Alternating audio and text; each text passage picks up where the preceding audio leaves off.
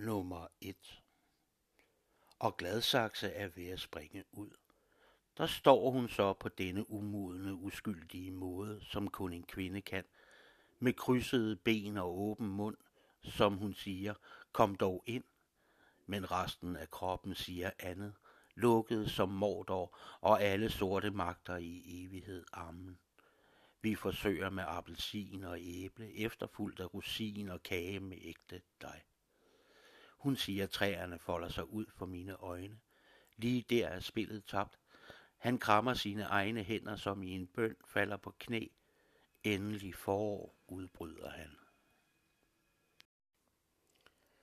Nummer 2 og hun lokker med en stemme, der oser så meget af forår, at disen lægger sig over gladsakse som udstødningsslør fra biler, med travle mænd bag rattet, som havde kællingen derhjemme nægtet morgenseks og optaget lokummet så længe, at etagevask var eneste udvej, før du kastede t-shirten over hovedet og bedøvede stanken fra armhulerne med sidste nye duft fra Paco Rabanne og din arbejdsplads tager skade, at parfumen og røgalarmen starter uden grund, og den sidste røgdykker lukker og slukker for stank og åbner vinduerne, så foråret kan komme ind og hilse på. 3.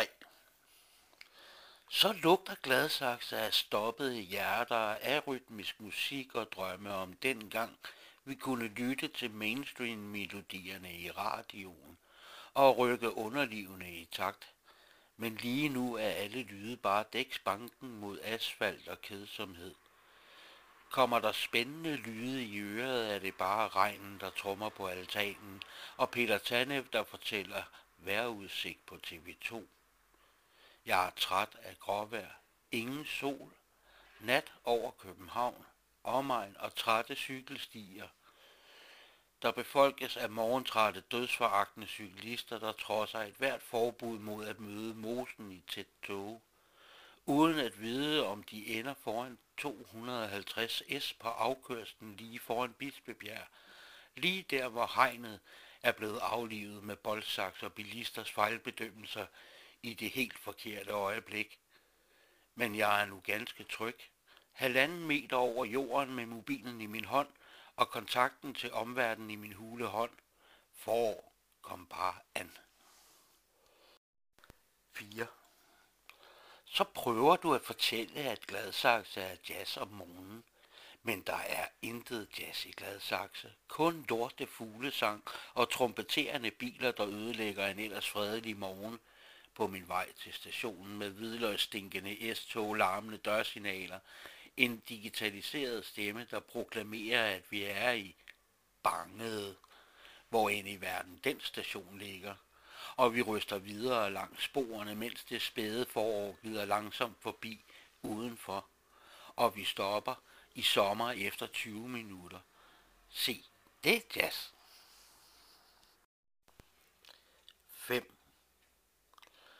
Du har ingen idé om, hvad ensom er, før du vågner i Gladsaxe efter en våd drøm kl. 01.30 og begiver dig ud i natten, og gaden er tom, våd og billøs. Og du kan gå på vejen som den eneste ene i verden, med en iskold bajer i hånden, i underbukser. Ikke en hund gør, ikke en kælling, der råber blufærdighed efter dig, og politiet holder lav profil den nat, fordi Gladsaxe er menneskeforladt, tom og meningsløs.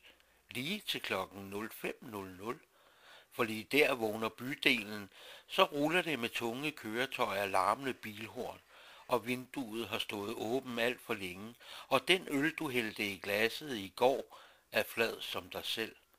Så lægger du hovedet på puden, tænker, at livet er en drøm, men Gladsaxe lever og er til.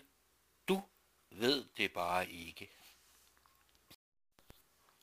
6. Det er så fedt at bo i Gladsaxe.